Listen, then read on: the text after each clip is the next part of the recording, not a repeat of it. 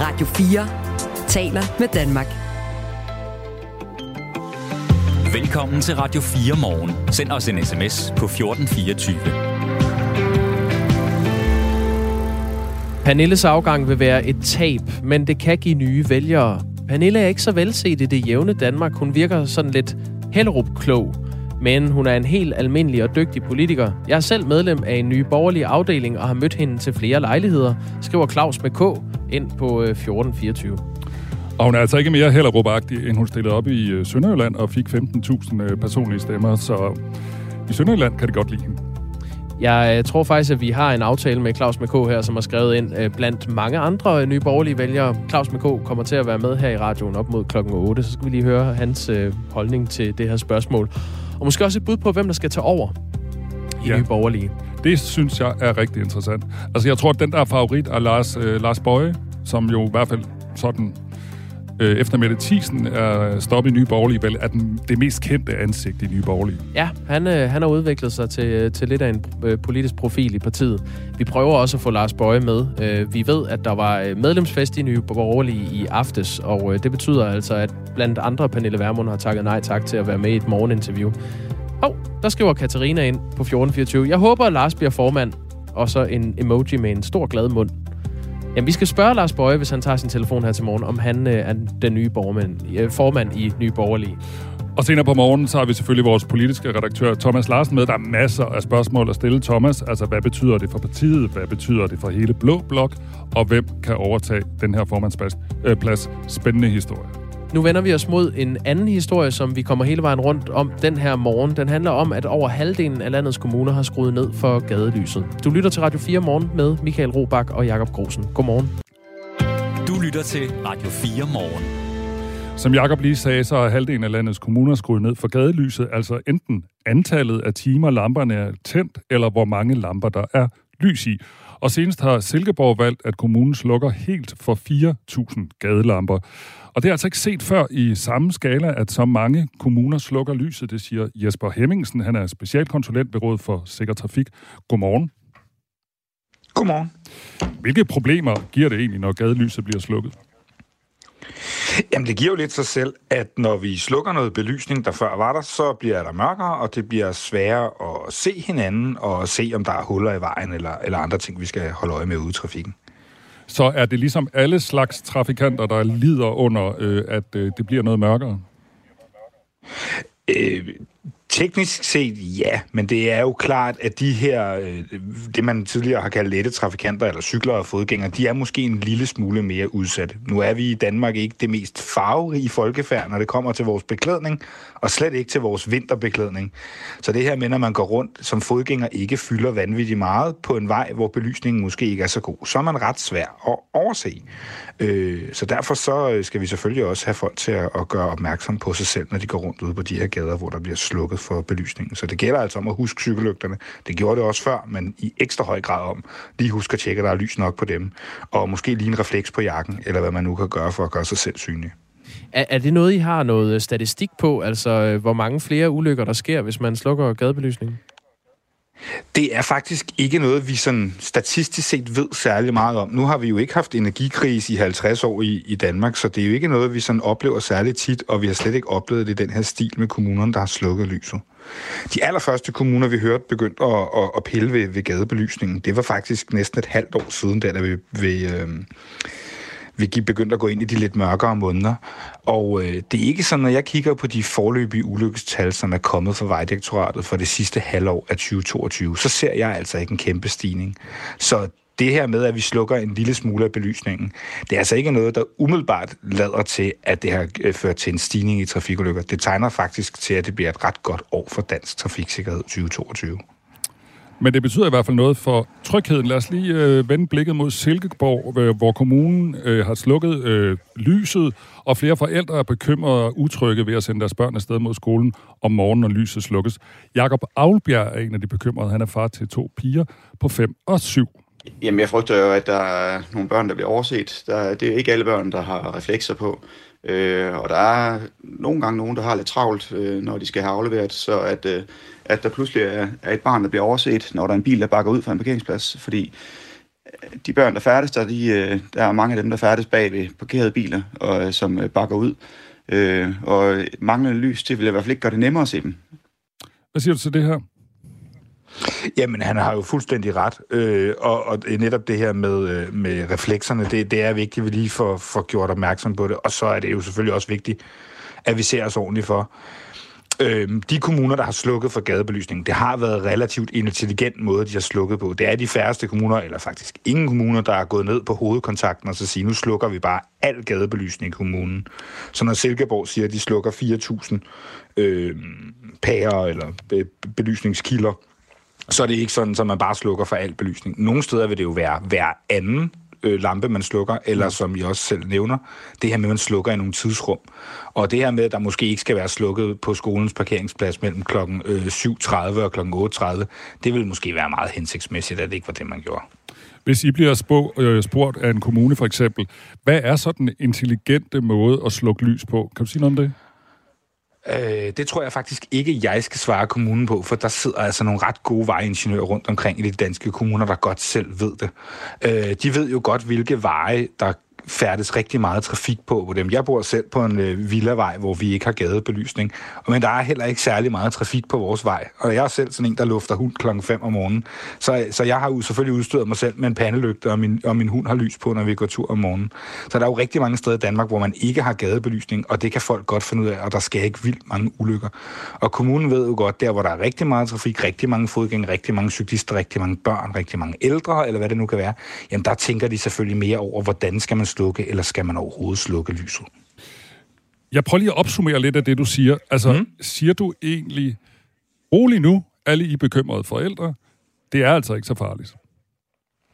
Vi har i hvert fald ikke noget, der indtil videre tyder på, at det er blevet vildt farligt. Det kan jo godt være, at når vi når frem om nogle år, og, vi får, og det er noget, de har holdt fast ved, at så kan vi se en lille stigning de steder, hvor de har slukket. Men det er der altså intet, der tyder på. Tværtimod, så, så øh, nogle af de ting, vi ser andre steder, hvor man har prøvet det her, eksempelvis øh, øh på motorvejsnettet, det er svært at sammenligne med en skolevej, men trods alt ikke desto mindre, øh, så slukkede Vejdirektoratet for nogle år siden på noget motorvejsbelysning, og det viste sig faktisk, at det kom der på ingen måde flere ulykker af. Øh, så bliver øh, trafikanterne mere opmærksomme, fordi at det kræver det, når der er dårligere belysning, og så sker der faktisk færre ulykker, fordi uopmærksomhed og manglende orientering er faktisk det, der er skyld i flest trafikulykker herhjemme. Så øh, når vi slukker, så kan man sige, det bliver utrygt, men det bliver også opmærksomhedsskabende. Sådan så børn og forældre, de måske er en lille smule mere opmærksomme, når de går rundt bag de her parkerede biler, eller når de skal bakke den parkerede bil ud på en plads, hvor der belysningen ikke er så god i morgen, som den måske var i går. Og så har du også sådan et par gange i løbet af det, du har sagt, nævnt reflekser. Jeg kan huske, da jeg var barn i 70'erne, så fik vi alle sammen tilsat en refleks. Er vi stadigvæk sindssygt dårlige til at gå med reflekser? Øh, børnene er faktisk ikke, men øh, de er tit forgangsmænd. Også forældre, vi skal huske, at vi er rollemodeller, så det der med, når man står og siger til børnene, de skal tage en refleks på om morgenen, så skulle man måske også selv lige huske det. Vi har også fået en uh, sms, du får den uh, uh, lige her. Uh, Hej, vi danskere elsker at gå i sort tøj i de mørkeste måneder. Det er sgu for dumt. Jeg har selv sort tøj på. Men der begyndte at have sådan en neongrøn, øh, neongrøn lille lys hængende og dingende på jakken. Er det egentlig en, uh, en, en, øh, en god idé, Jesper? Det, det er en rigtig god idé at sætte noget på, på sit tøj. Øh, altså, jeg, jeg vil fuldstændig dele det her med, at vi er en generation af mørkklædte, specielt i vintermånederne. De fleste danskere ejer en mørkeblå eller en sort vinterjakke, som de så går rundt i ude i vintermørket.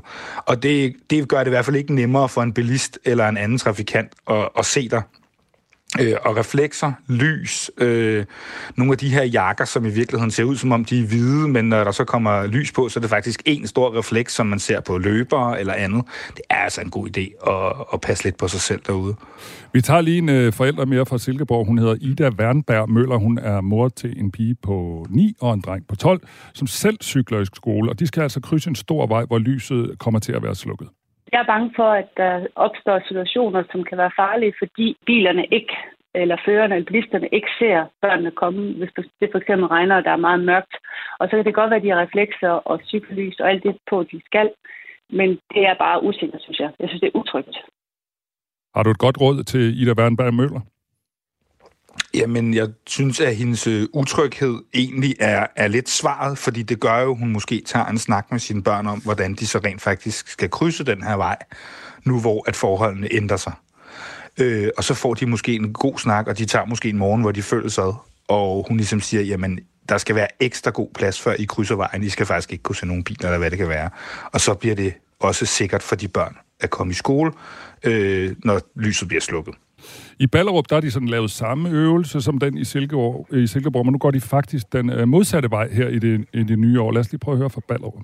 På baggrund af de oplevelser, som vi selv havde, jeg cykler selv øh, på arbejde, og også de bindinger, der kom ind fra, fra borgere osv., om, øh, omkring utryghed, så har vi simpelthen besluttet, at vi vil tænde for lyset igen her i den her skumringstid, hvor der er, der er rigtig mange, der øh, nu, nu, nu ligger skumringstiden også lige der, hvor alle børnene de møder i skole og, og så videre. Og der er vi altså besluttet at tænde øh, lyset igen. Også mange bilister, der faktisk har sagt, at de synes, at det var utrygt, at de ikke kunne se børnene sådan sagde Jesper Wirtsen, som er socialdemokratisk borgmester i øh, Ballerup. Giver det god mening, ligesom øh, det, jeg hører her, det er jo det der med at forholde sig til virkeligheden og tænke, om nu er vi slukket noget, nu tænder vi noget igen?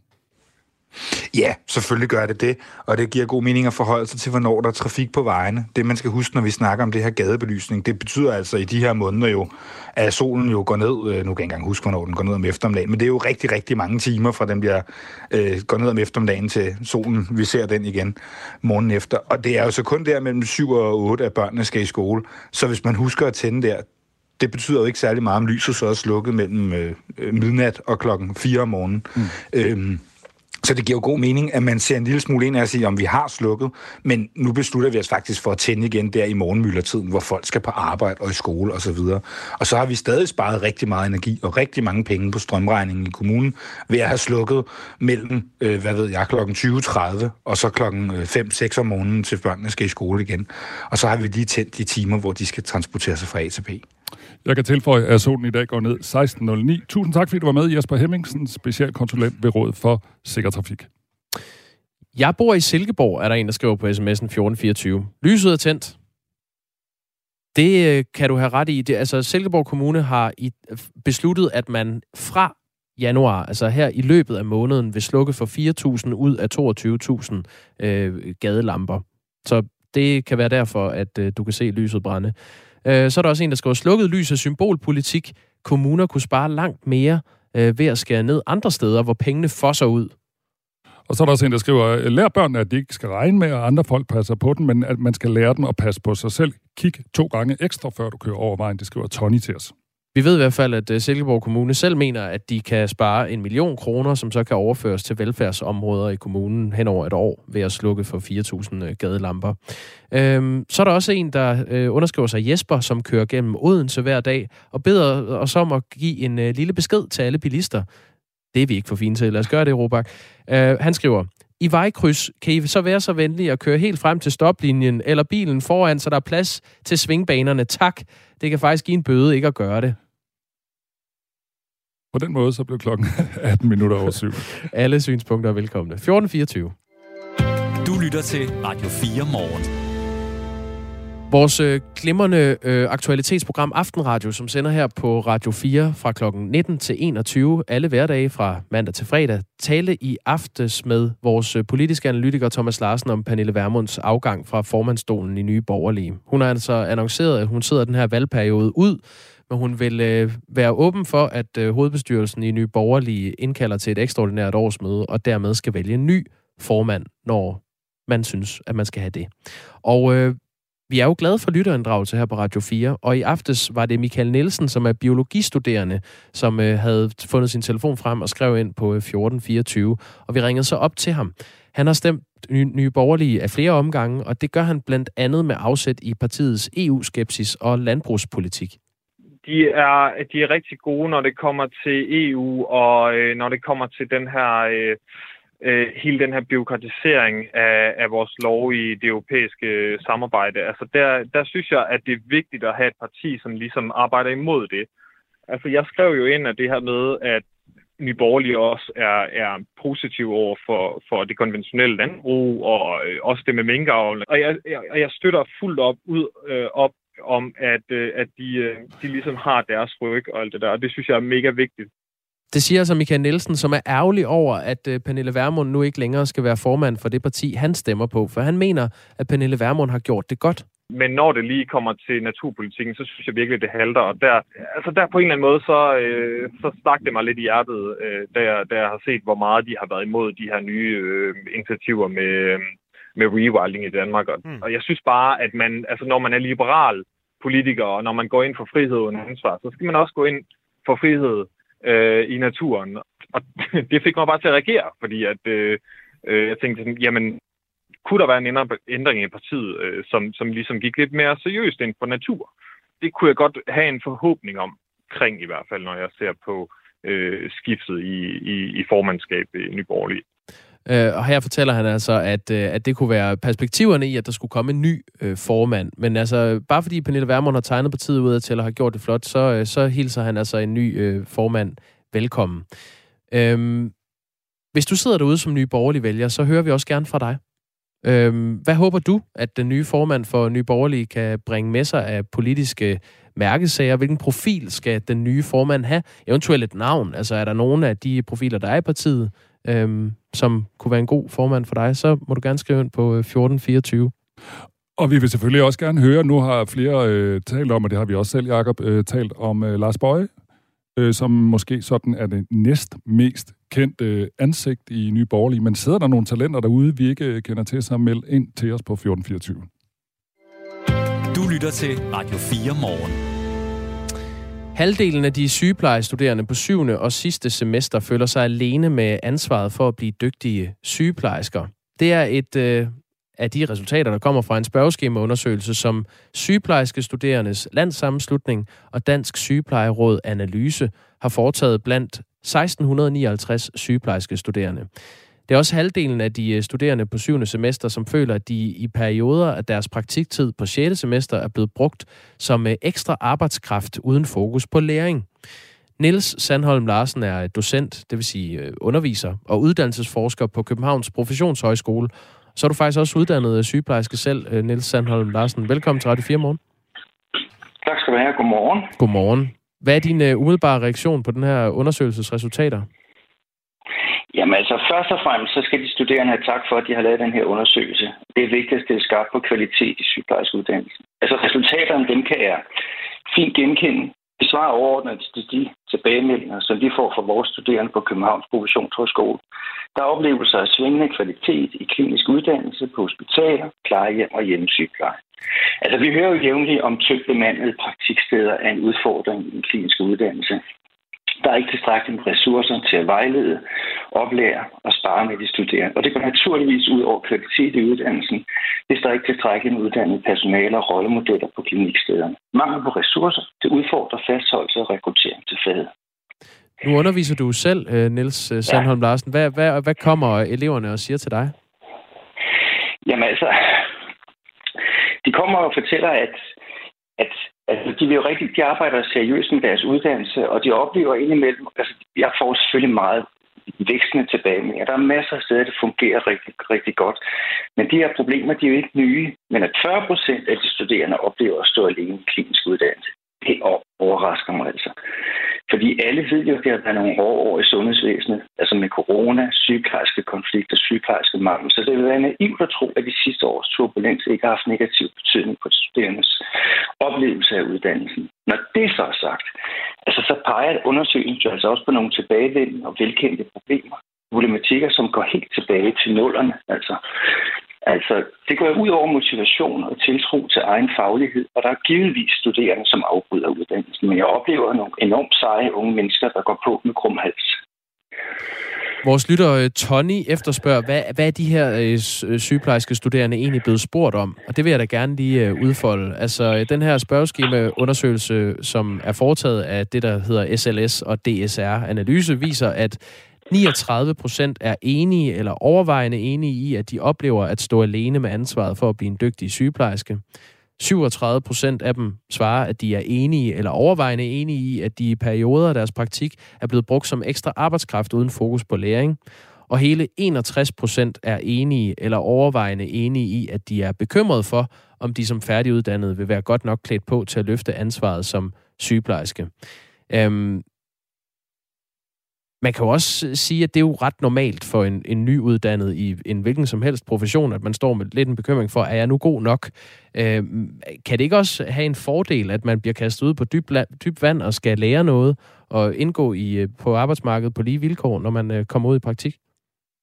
Jo, det kan man godt sige, men det er nogle rimelig seriøse ting, som man arbejder med i det danske sundhedsvæsen. Og øh, Altså man kan jo sige, som underviser, så kan man jo selvfølgelig være betragtet som et sundt tegn, at de studerende undervejs i uddannelsen finder ud af, at det er kompliceret og super komplekst øh, fag at arbejde i som sygeplejerske. Pointen med, at de oplever, at de bliver brugt som arbejdskraft, øh, altså det er jo lidt af et paradoks, ikke? fordi det kræver, at man arbejder meget med kliniske problemer for at blive dygtig og sikker i sit fag. Altså en forudsætning for at kunne udføre sygepleje på en sikker og skånsom måde, det er, at man har mødt rigtig, rigtig mange patienter, og man har opnået rutine og sikkerhed i at arbejde med mennesker. Men det at genkende arbejde og arbejdsrutiner som en læringssituation, det kræver tilrettelagt systematisk uddannelsesforløb og vejledning og sparring undervejs. Og går de studerende for meget alene for sig selv, så er der risiko for fejllæring, der er risiko for, at de lever sur i det, og de oplever det som spild af tid og spild af SU-klip, og det er der ingen, der er gavn af.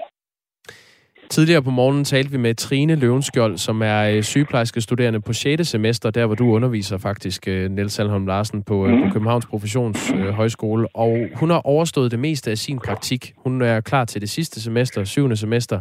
Eller er hun? Fordi hun sad tilbage med en følelse af, at hun ikke er dygtig nok. Hun sagde sådan ja. her. Det er jeg usikker på, fordi jeg i løbet af min uddannelse ikke har mødt øh, det, og fået den vejledning, jeg skal have. Hvis vi nu skal sådan tage det større samfundsperspektiv i brug her, så, så kan det jo have nogle konsekvenser, at de sygeplejerske studerende simpelthen ikke føler, at de bliver uddannet godt nok. Hvilke konsekvenser kan du se? Jamen altså, altså det er selvfølgelig et problem, det her, men jeg synes, det er enormt vigtigt, at vi lige stopper lidt op og har nogle realistiske forventninger til, hvad kan der opnås af kompetencer i løbet af en uddannelse på 3,5 år. Altså, du kan sammenligne sygeplejerskeuddannelsen med det at tage et kørekort. Det er først, når du er færdig, du skal til at blive en sikker bilist, udvikle din egen kørestil, og alle ved, at det tager tid. Vi har en bred grunduddannelse, en uddannelse, der uddanner til et hyperspecialiseret sundhedsvæsen, og vi skal være helt åbne omkring, at grunduddannelsen blot er en begyndelse. Grunduddannelsen er første trin på vej til at blive en erfaren og dygtig sygeplejerske. Skulle man så ikke lade være med at have så meget praktik øh, i uddannelsen? Nej, det kan vi ikke. Altså, den er jo sådan 50-50 uddannelsen her. Og vi kan jo bare sammenligne med lægeuddannelsen. Altså, nye, nyuddannede læger, de er altså har en etårig klinisk basisuddannelse, før de slippes bare nogenlunde løs. Så det handler altså også om at stille nogle realistiske krav til nyuddannede sygeplejerskers faglige kunde. Man kan ikke forvente, at nyuddannede er fuldbefarne og sikre sygeplejersker. Og det er først efter endt uddannelse, at de kan etablere sig som sygeplejersker. Det tager lang tid, og jeg tror, vi fremover skal til at tænke meget mere i systematiske introduktionsforløb. Og vi ser det jo allerede rundt omkring på de danske hospitaler, at der er introduktionsforløb, der er mentorforløb, der er efteruddannelse til sygeplejersker, og det er vejen frem. Altså, det er et hyperspecialiseret øh, sundhedsvæsen. Patienterne er jo sindssygt syge, og det er så komplekst. Det tager simpelthen tid at blive dygtig og sikker i det her fag. Det har jo fyldt en del i den offentlige debat de senere år, at der er mangel på øh, sygeplejersker, så derfor giver det jo så også mening, at der kan være mangel på, øh, på sygeplejersker, der har tid til at vejlede de studerende. Yes, hvilket problem, eller, eller ikke hvilket problem, men hvilken løsning ser du på det her problem? Jamen altså, hvis, hvis jeg havde løsningen, så ville jeg få Nobelprisen i dansk sygepleje. Altså, men hvis man vil have dygtige og, og sikre sygeplejersker, så kræver det ressourcer, og det kræver, at de studerende kommer i klinik, hvor der er medarbejdere, der er positive og engagerede. Altså, vi arbejder jo systematisk med at styrke klinisk uddannelse, men det er meget kompliceret, og der er ingen quick fixes. Men der sker en masse inden for praksislæring. På Københavns Professionshøjskole har vi et helt praksishus, hvor de studerende kan lave avanceret og virkelighedstro virkelighedstro træning på dukker. Altså, vi har en vis, altså, der er grænser for, hvad vi kan træne på skolen. Dybdelæring, faglig sikkerhed, det kræver simpelthen, at man træner og øver sig i den virkelige verden med det, man kalder sidemandsoplæring, refleksion sammen med rollemodeller, man kan spejle sig i. Altså, derfor så har vi jo på Københavns Professionshøjskole sammen med Nordsjællands Hospital indrettet en særlig hospitalsafdeling, mm. hvor man har opbygget et dedikeret læringsmiljø og pædagogiske metoder, der ser ud til at virke. Så vi gør rigtig meget, meget for at styrke de studerendes praksisparathed og faglige selvtillid. Niels Sandholm Larsen, docent, altså oversat til underviser og uddannelsesforsker på Københavns øh, Professionshøjskole og selv uddannet sygeplejerske. Tak for at give det besøg med her. Velbekomme. Godmorgen. Godmorgen. Det er øh, noget, du gerne må byde ind med, også hvis du har erfaring med det. Har du læst til sygeplejerske? Er du sygeplejerske? Øh, skriv ind på 1424. Klokken er halv otte. Nu er der nyheder på Radio 4. Radikale afkræver nu et svar fra regeringen på, hvornår godt 400.000 husstande kan få fjernvarme. Mange borgere med olie- og gasfyr har endnu ikke fået at vide, hvornår de kan få leveret fjernvarme til deres hjem, skriver TV2. Det svar var de ellers blevet lovet den 1. januar af den daværende regering, et bredt flertal af Folketingets partier og kommunernes landsforening. Radikales klima-, energi- og forsyningsordfører Samira Nava har nu bedt om et svar. Det ligger jo på regeringsbord lige nu. Der står nogle rigtig flotte øh, grønne ord i regeringsgrundlaget, og øh, nu øh, kommer regeringen så på sin første prøve for os at sætte handling bag ordene. Siger hun til TV2. Borgere i eksempelvis Svendborg, Næstved, Hillerød og Allerød har modtaget en besked om, at de endnu ikke kan få afklaring på, om der kommer fjernvarme eller anden fossilfri opvarmning, såsom en varmepumpe i deres område. Det handler jo grundlæggende om at sikre både penge og arbejdskraft til, at man kan få den her fjernvarmeudrulning til at ske, så vi kan få øh, husejere, øh, der sidder med et gasfyr over på fjernvarme, og det skal jo altså ske hurtigt. Der er markant flere mænd i de danske bestyrelseslokaler. I 44 procent af de største virksomheder er der slet ingen kvinder i bestyrelsen, skriver Information. Det er ikke godt nok, mener ligestillingsminister Marie Bjerre fra Venstre. Vi går glip af kompetencer og talenter. Derfor er det vigtigt, at vi arbejder med at bryde de normer og kulturer, som spænder ben for, at kvinder når til tops, udtaler hun. Hvis man fremskriver de seneste års udvikling, skal man helt frem til år 2060, før der er lige mange mænd og kvinder i de store virksomhedsbestyrelser, skriver avisen. Der hersker fortsat usikkerhed om udfaldet af kampen om Soledar i Ukraine, men den russiske private milits Wagner-gruppen hævder at have taget kontrollen i den østukrainske saltmineby. Fra den ukrainske regering lød det tidligere, at landets styrker stadig kæmpede videre i byen.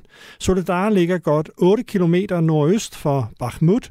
Her har både Ukraine og Rusland mistet mange soldater i nogle af de mest intense skyttegravskampe hidtil under krigen.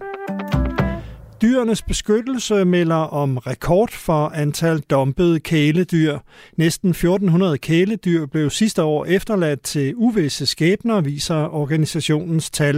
Ja, det er sådan en trist rekord. Siger Karina Fisker, internatchef ved Dyrenes Beskyttelse. Jeg tænker, at en af årsagerne kan være, at, at der er rigtig mange, der får dyr, som de ikke uh, kender konsekvenserne af i forhold til, hvad omfanget arbejde betyder for at have de her dyr. Det er ofte hele kul af for eksempel kattekillinger og marsvin, der dumpes, siger Karina Fisker. Antallet af sager er steget stødt de seneste fem år. Det er nu 25 procent højere, end det var i 2018. Sidste år bød på det største prisfald på boligmarkedet i over 10 år, viser tal fra boligsiden. Året begyndte ellers godt med høje priser, men i anden del af året ændrede det sig. Salgspriserne faldt med 6% set over hele året. Det skyldes ifølge økonom ved boligsiden Birgit Daet et stigende renteniveau, voksende energipriser og høj inflation. Den græske ekskong Konstantin er død i en alder af 82. Det oplyste flere græske medier i aftes. Konstantin, der var gift med dronning Margrethes søster Anne-Marie, døde i den græske hovedstad Athen af et slagtilfælde. Konstantin var Grækenlands konge fra 1964 til 67, hvor officerer i den græske hær tog magten ved et kup. Først skyde med regn, men fra vest kommer der opklaring med lidt sol, 4-9 grader og jævnt til hård vind mellem vest og syd. Du lytter til Radio 4 morgen. Husk, du kan skrive en sms til os på 1424. Jakob, hvad tror du egentlig danskerne går og interesserer sig for for tiden? Stor bededag. Det er et meget godt bud. Andet? Mm, inflation. Ja, det er også godt bud. Mm, hvad går vi ellers og går op i? At det snart skal blive lysere? Jeg ved det ikke, Robak. Enlighten me. Jamen, det er bare fordi, jeg tænker, at der er et emne, som vi er optaget af altid, uanset hvad der i øvrigt sker i verden. Sex? Meget godt bud. Ja. Men jeg tænkte på noget andet. Jeg tænkte nemlig på boligpriser, og det skal det handle om nu. Nå, for søren, ja. Fordi i det forgangne år, det bød nemlig på det allerstørste prisfald på boligmarkedet i over 10 år. Det viser nye tal fra bolig, boligsiden. Brian Friis Helmer er privatøkonom hos Arbejdernes Landsbank. Godmorgen og velkommen til Radio 4 morgen. Godmorgen. Samlet set, der faldt huspriserne med 6,4 procent, og ejerlejligheder faldt med 6,3 procent. Er det en losing til dem, der vil købe, eller dem, der vil sælge, eller hvordan, hvor, hvor skal lusingen placeres? Jamen, den, øh, hvis man endelig skal placere en, øh, en losing, så, øh, så, er det jo lidt, øh, så er det jo lidt øh, begge steder, fordi det er jo rigtigt nok, hvis man står som køber, så, så er det jo selvfølgelig ret nok, at øh, man kan købe en ny bolig til en, øh, til en lavere pris, end hvis man skulle have været ud for et år siden. Men, men det, der er jo årsagen til, at priserne er faldet, det er jo, at renten er steget ganske kraftigt. Mm. Vi så jo i starten af sidste år, der havde renten 2% på et fastforrentet realkreditlån, og nu hedder den 5%. Så det vil sige, selvom man kan købe boligen øh, billigere, jamen, så, den, så, så er den faktisk dyrere at finansiere sig samlet set, så, øh, så ender det øh, formentlig ikke ud med et, øh, med et bedre regnestykke for en, øh, for en køber. Så bare lige... så ser over på... Ja. Ja, ja, det var så, hvis du ser over på sælgesiden, så er det selvfølgelig klart, hvis du, det kommer an på, når du har købt boligen. Mm. Hvis du har ejet den de sidste 10 år, så tænker jeg, så, øh, så, så må ikke det går. Øh, men selvfølgelig har du købt den for et år siden, så, øh, så er det jo selvfølgelig en lidt anden situation. Lad os lige tage det der med renterne, øh, fordi det er jo også det, der, som du selv siger, det, der virkelig øh, spiller ind på de her boligpriser. Når du kigger i din krystalkugle, skal vi så bare vende, vende os til de her renter, eller ser de ud til, at de falder på noget tidspunkt?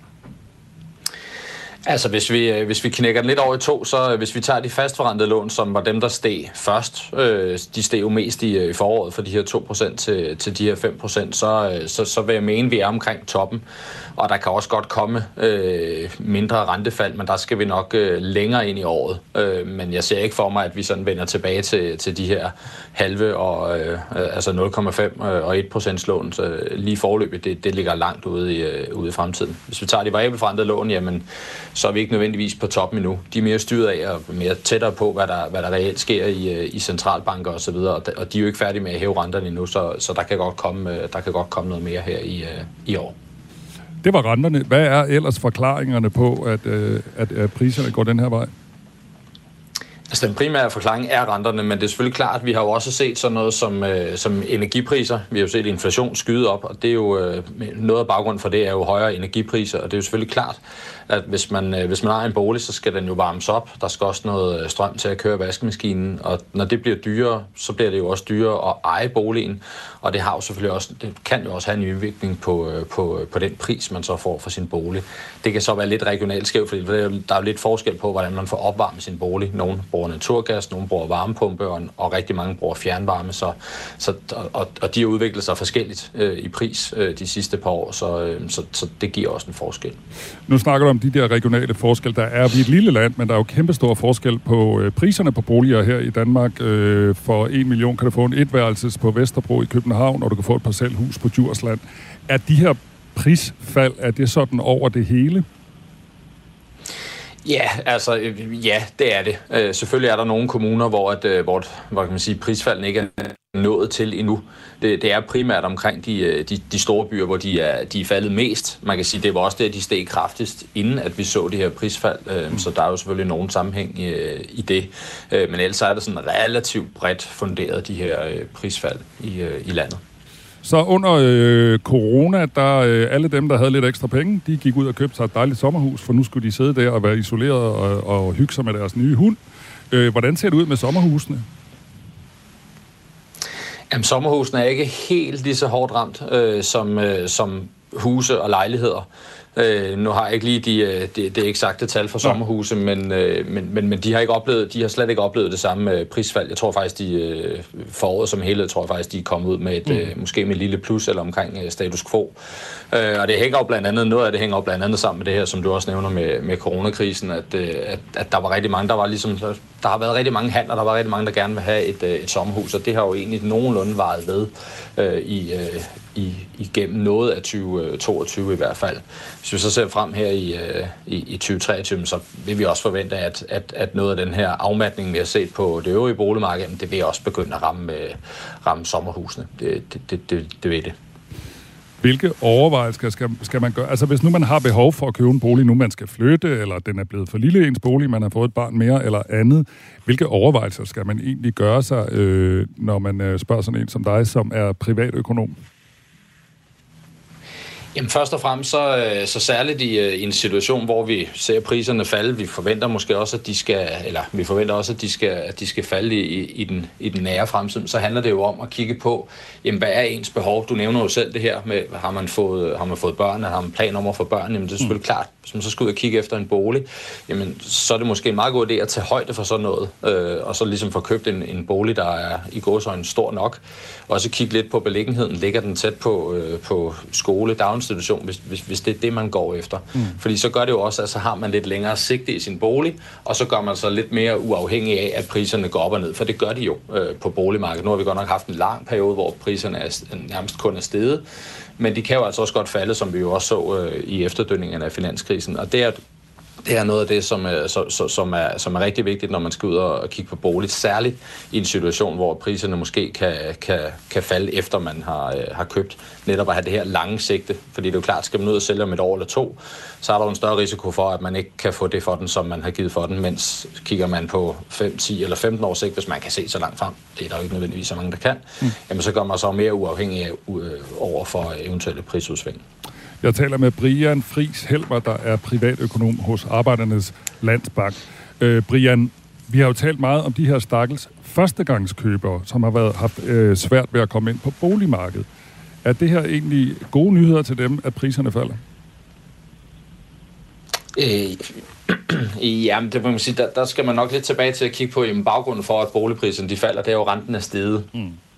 Så det vil sige, står man som førstegangskøber og ser øh, starten af 2022 og nu starten af 2023, jamen så fik man i virkeligheden nok mere for sine penge i starten af, af, af 2022, netop fordi man der kunne man øh, finansiere boligen øh, billigere. Det kan godt være, at den kostede lidt mere, men man kunne finansiere den billigere, så, så, så det er ikke nødvendigvis blevet nemmere at være, at være førstegangskøber, selvom man jo ellers skulle mene det, når, øh, når boligpriserne de, øh, de falder. Og det er jo noget af det, der er i gang her. Det er jo ligesom en, øh, en form for tilpasning netop til, at renterne er, er steget. Og det er jo sådan set også derfor, vi forventer, at priserne skal, skal længere ned øh, endnu, end, end de allerede er faldet her, øh, i, særligt i sidste del af 2022. Lad os lige til allersidst, uh, Brian Friis Helmer, kigge en lille smule ind i spokhulen. Du har været lidt inde på det et par gange, men, men hvad tænker du, uh, hvordan kommer det priserne til at se ud sådan i løbet af 2023?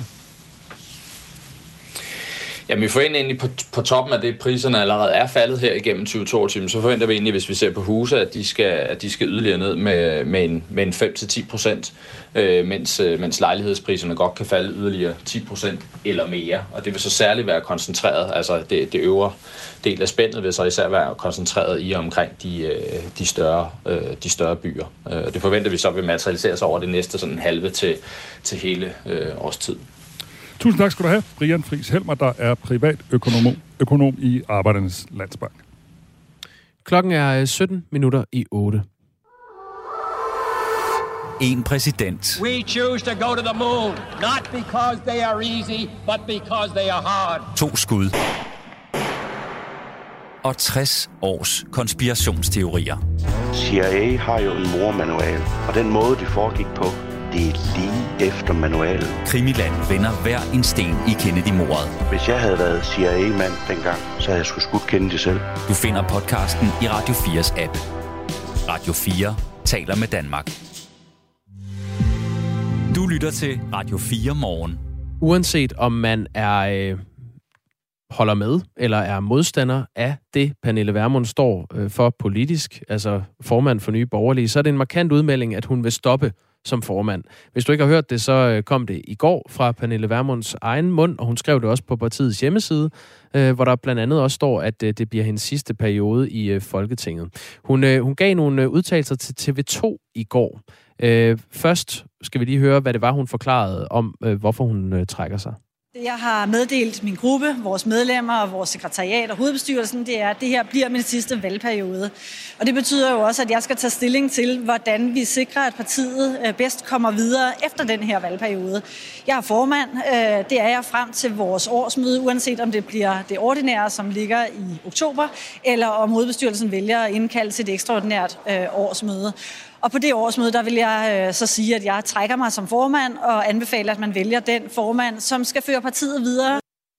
Øhm, hun har jo øh, været med til at opbygge Nye Borgerlige, og på en eller anden måde er hun også blevet øh, synonym med Nye Borgerlige, Pernille Vermund. Og øh, en af grundene til, at hun trækker sig, er, at det har været slidsomt. Altså, det, det er hårdt at, øh, at sidde i, øh, i Folketinget og være politisk øh, frontfigur for et øh, markant parti. Det er, øh, det er hårdt arbejde. Det er hårdt arbejde at bygge et parti op fra bunden, bygge en partiorganisation op fra bunden, øh, komme i Folketinget. Bare det at blive opstillingsberettiget og komme i Folketinget første gang, øh, er jo noget, som vi skabte historie med, da det lykkedes øh, for, for fire år siden. Så, øh, så det har været øh, syv og et halvt hårde år. Det har også været lærerige år. Det har været en, øh, en opgave, jeg har påtaget mig, fordi jeg synes, vi skylder at øh, ja, gøre, hvad vi kan for at passe på vores land og vores værdier. Men jeg har også fra begyndelsen vidst, at jeg ikke øh, havde det i mig at skulle sidde herinde og gro fast. Det har aldrig været et mål for mig at have en karriere som folketingspolitiker. Det sagde Pernille Vermund til TV2 i går. Og vi ville gerne have haft et interview med Pernille Vermund her til morgen, men der var fest i uh, Nye Borgerlige i aftes. Medlemsfest. Og derfor havde uh, Pernille Vermund varslet, at hendes telefon er slukket her til morgen. Så hende får vi altså ikke fat i. En medlemsfest på sådan en dag. Tror du, det har været abegilde? Eller et sådan lidt begravelsesagtigt? Ah, jeg tror, der har, været, øh, der har været vild stemning til den fest. Tror du ikke det? Jeg tror, det har været crazy. Jeg tror også, det har været fuldstændig uh, Titanic, crazy, det der. Titanic-stemning. ja. Hun sagde øvrigt også i går, eller hun sagde det der med, at hun glæder sig til at blive, øh, komme tilbage og være arkitekt. Hun var, før hun kom i Folketinget, har hun været selvstændig arkitekt. Mm. Og meget sjovt, øh, da hun blev arkitekt, arkitekt i 2001, så var hendes afgangsprojekt øh, et, der hed Ungdomsboliger for asylansøgere. Ja. Og det er jo sjovt, fordi øh, hun flere gange har sagt, at hun synes, det er nødvendigt, at hun står i spidsen for Nye Borgerlige, hvor vi skal have løst udlændingepolitikken fra bunden. Er det er det, det, du tænker på? Altså hendes, øh, hendes tilgang til, øh, til udlændinge i Danmark? Ja, og hun har, hun har, hun har sagt øh, sidenhen i dag, øh, i dag vil hun ikke lave asylboliger på den her måde. Altså det er jo også, fordi Nye Borgerlige har en politik om, at øh, asylansøgere ligesom skal hjælpes i nærområdet, mm. hvis de overhovedet skal hjælpes. Hun var ung og naiv. Måske. Uh, vi forsøger i hvert fald at få, uh, få flere uh, nye borgerlige stemmer på her til morgen. Uh, Lars Borg Mathisen er der flere lyttere, der har budt ind med som en ny mulig formand for, uh, for nye borgerlige, at det kunne måske være en, en naturlig aftager. Mette Thiesen er jo ikke længere i partiet. Hun har ellers også været en markant skikkelse i den seneste valgperiode i nye borgerlige, men hun står udenfor, og hun, uh, hun reagerede også meget kortfattet på uh, den her udmelding i, uh, i går. Det er ikke fordi, der er sådan en stor kærlighed mellem uh, Pernille Vermund og Mette Thiesen længere. Øhm, der var noget med et, øh, et kontrovers efter Mette Thiesens kæreste opførte sig øh, voldeligt. Ja, og truende. Øh, til, til valget øh, til Nye Borgerliges øh, fest, og derefter var der nogle skærmysler, og Mette Thiesen øh, røg ud øh, og er nu løsgænger i, øh, i Folketinget. Og Ekstrabladet spurgte Mette Thiesen, hvad er din kommentar til, at din eksformand nu også bliver ekspolitiker? Så siger Mette Thiesen, det har jeg ingen kommentar til, det er en beslutning, hun har truffet. Så bliver hun spurgt, hvad tænker du om, at hun ikke vil være i politik længere? Så siger hun, hvad Pernille vælger at gøre, det er fuldstændig op til hende. Hvad tænker du om, at dit øh, eksparti skal finde en ny formand? Det har jeg heller ingen kommentar til. Jeg har startet for mig selv på en frisk nu. Kunne du overveje at søge tilbage under nye borgerlige faner? Nej. Det er meget interessant, ikke? Fordi jeg tænker, hvis ikke der havde været den her episode, øh, hvor hun var, eller hun meldte sig jo sådan set øh, frivilligt ud af Nye Borgerlige, så tænker jeg, så havde hun jo været, om ikke stor favorit i hvert fald, øh, en af favoritterne til at overtage formandsposten øh, fra Pernille Vermund. Nemlig. Øhm, det er altså en, øh, en historie, hvor vi forsøger at få øh, stemning fra nye borgerlige, altså reaktioner. Du må også gerne byde ind, hvis du er nye borgerlige vælger. Skriv ind på 1424. Du må også gerne skrive ind, hvis du øh, ikke er nye borgerlige vælger. Altså, hvad, hvad tænker du om, at øh, Pernille Vermund snart ikke længere skal være i politik? Klokken er 12 minutter i 8. Det er Michael Robach og Jakob Grosen, der er din hverdag i dag. Radio 4 taler med Danmark. Så skal vi til at finde øh, de her klappepølser frem. Eller det vil sige, vi tidligere i morges øh, talte med en podcast-redaktør, øh, øh, som lavede håndbold, og han sagde, at klappepølserne slet ikke fandtes mere. Nu var det klappe pap. Var det sådan, Jacob? Ja, klappepappen. Det er ja. de der store kla- øh, øh paphænder, ja, okay. som giver et ordentligt stort klap. Vi skal til at finde klappe hænderne frem, fordi VM i herrehåndbold, det begynder i dag, og Danmark kan altså vinde for tredje gang i træk. Og det er i sig selv stort at vinde VM, men der er altså aldrig nogen, der har vundet det tre gange i træk, så det vil være kæmpestort. Og så har håndboldherrene endda mulighed for at gøre det i vores egen baghave på svensk grund, hvor slutrunden bliver spillet. Jonas Løjtved, det var ham, der belærte os om, at det ikke hed klappepølser, men nu klappehænder, klappepaphænder. Han er kommentator og vært på podcasten Håndboldbarn, og han glæder sig. Jeg er øh, op at køre, fordi ja, det her VM det starter jo selvfølgelig øh, i dag med åbningskampen for den ene værtsnation, Polen, der møder Frankrig, og så øh, skal vi jo vente en lille smule til på fredag, når det bliver Danmarks tur til at starte mod Belgien. Og Danmark kan som sagt vinde VM for tredje gang i træk, og det er også et virkelig godt hold, vi sender på banen. Det vurderer Jonas Løjtved. Nu startede jeg med at sige, sige vildt og voldsomt, og det er vel, det er vel ikke nogen underdrivelse. Det er øh, verdens bedste landshold. Det er verdensklasse spillere på samtlige positioner. Det er den velkendte stamme, vi kender med Niklas Landin, Rasmus Lauke, Mikkel Hansen, som har været med i mange år, og som er en del af den absolute internationale top, både på deres øh, klubhold og på landsholdet. Og så er det krydret med en masse unge, spændende profiler. De fleste kender vel og har vel hørt om Mathias Gissel, der fik sit helt store gennembrud for to år siden, hvor Danmark vandt øh, VM i, øh, i Ægypten.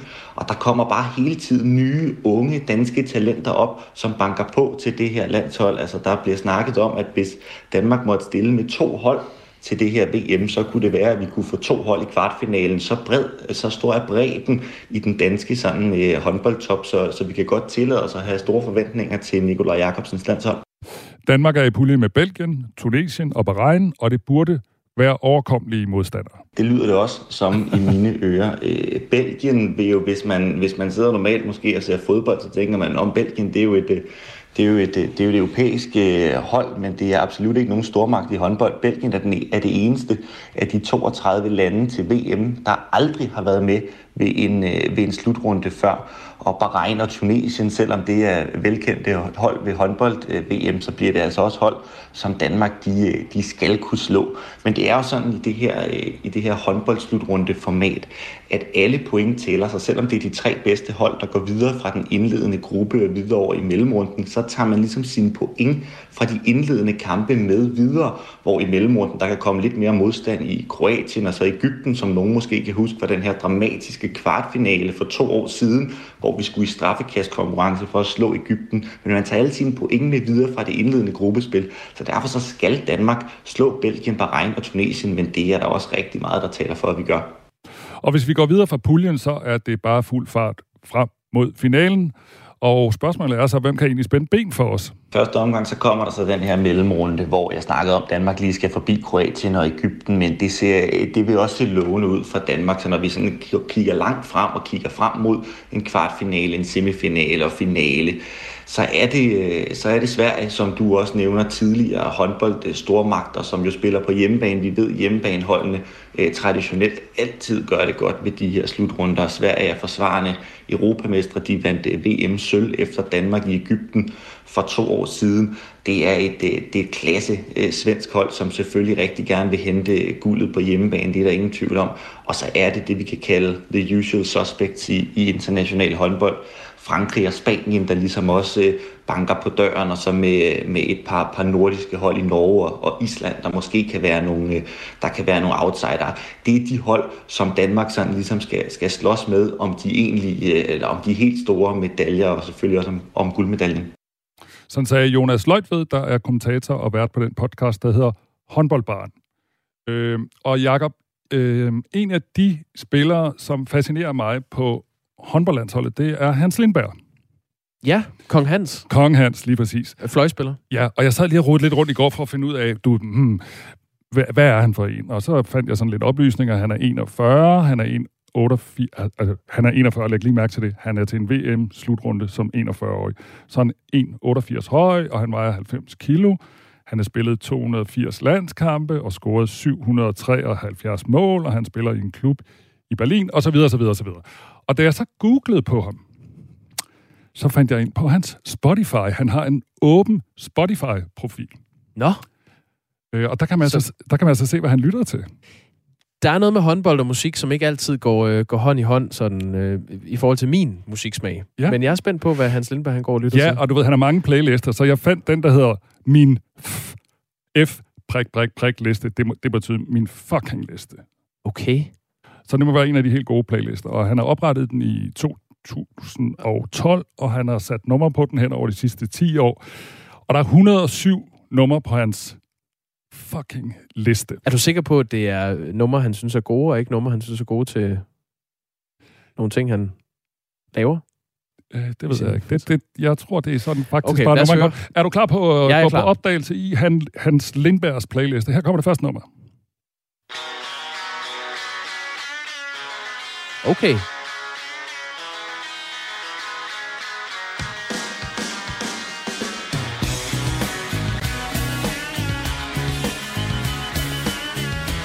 En meget god smag fra øh, Hans Lindberg, synes jeg. Yes. Jeg vil lige høre det tak.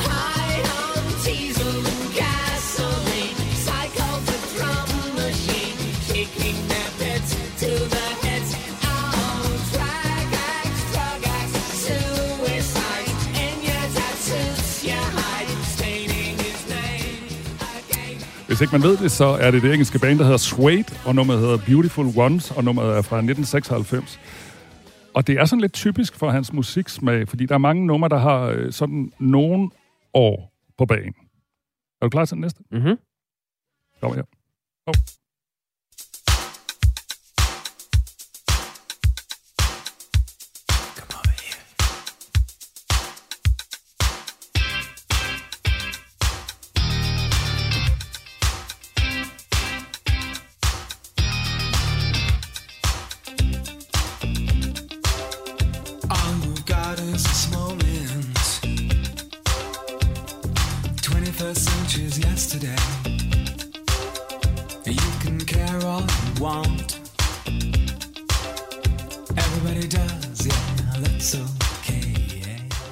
Og det er altså det band, der hedder NXS, øh, som Hans Lindberg lytter til. Vi har været inde på hans åbne Spotify-profil, og hvis man sådan, er det er et nummer fra 1987, og hvis man sådan skal lave en lille opsummering af hans smag, så kan han godt lide hits. Ikke sådan klassiske pop-hits. Og så øh, har han nogle enkelte danske numre, øh, men ingen, der synger på dansk. Han har øh, sådan en international smag, og så har han en bred smag, og du kan lige få lidt af den aller sidste sang, jeg har fundet på hans playliste.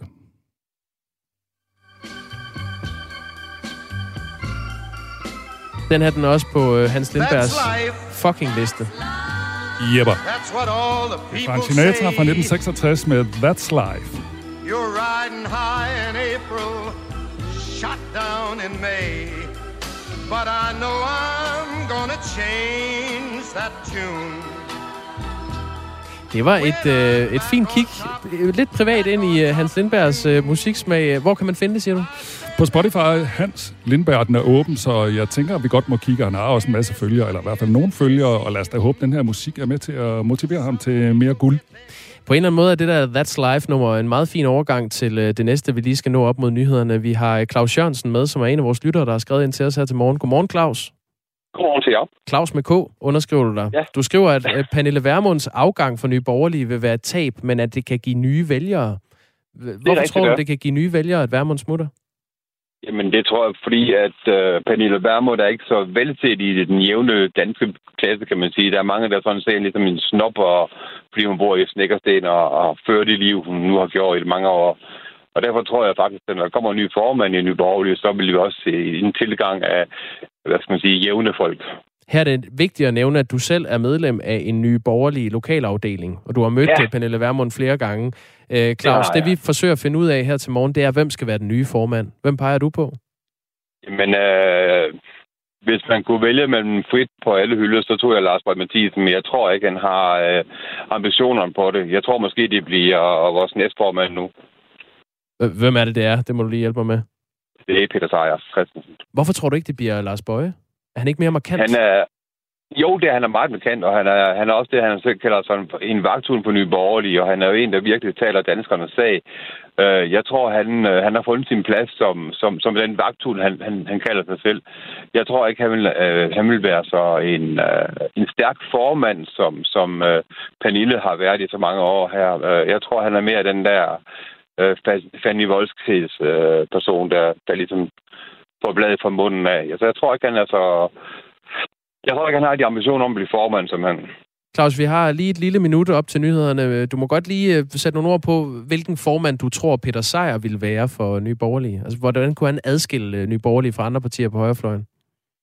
Jamen, det er faktisk et rigtig godt spørgsmål, for det er lidt svært at sige, hvem, hvem der vil være perfekt i Nye Borgerlige som, som formand. Altså, jeg tror, en, en øh, formand som Peter, det vil være en, der kan samle lidt bredere, øh, lidt bredere folk, altså lidt, lidt mere øh, jævne danske øh, befolkning, tror jeg. Øh, han er måske ikke så, så handlekraftig. Han er, han er lidt mere, det lidt, lidt mere, hvad skal man sige, han har ordet i sin mund også. Jeg tror, han er bedre til at forklare sig. Og, mm. øh, Pernille er meget direkte, når, når hun taler til, øh, til folk i, i, i, i folketingssalen og noget. Der tror jeg, Peter han er mere sådan diplomatisk. Så lyder det fra Claus øh, med K. Claus Jørgensen. Tak for det. Velkommen. Som altså er medlem af en øh, ny borgerlig lokalafdeling og har skrevet ind på 1424. Nu er klokken 8.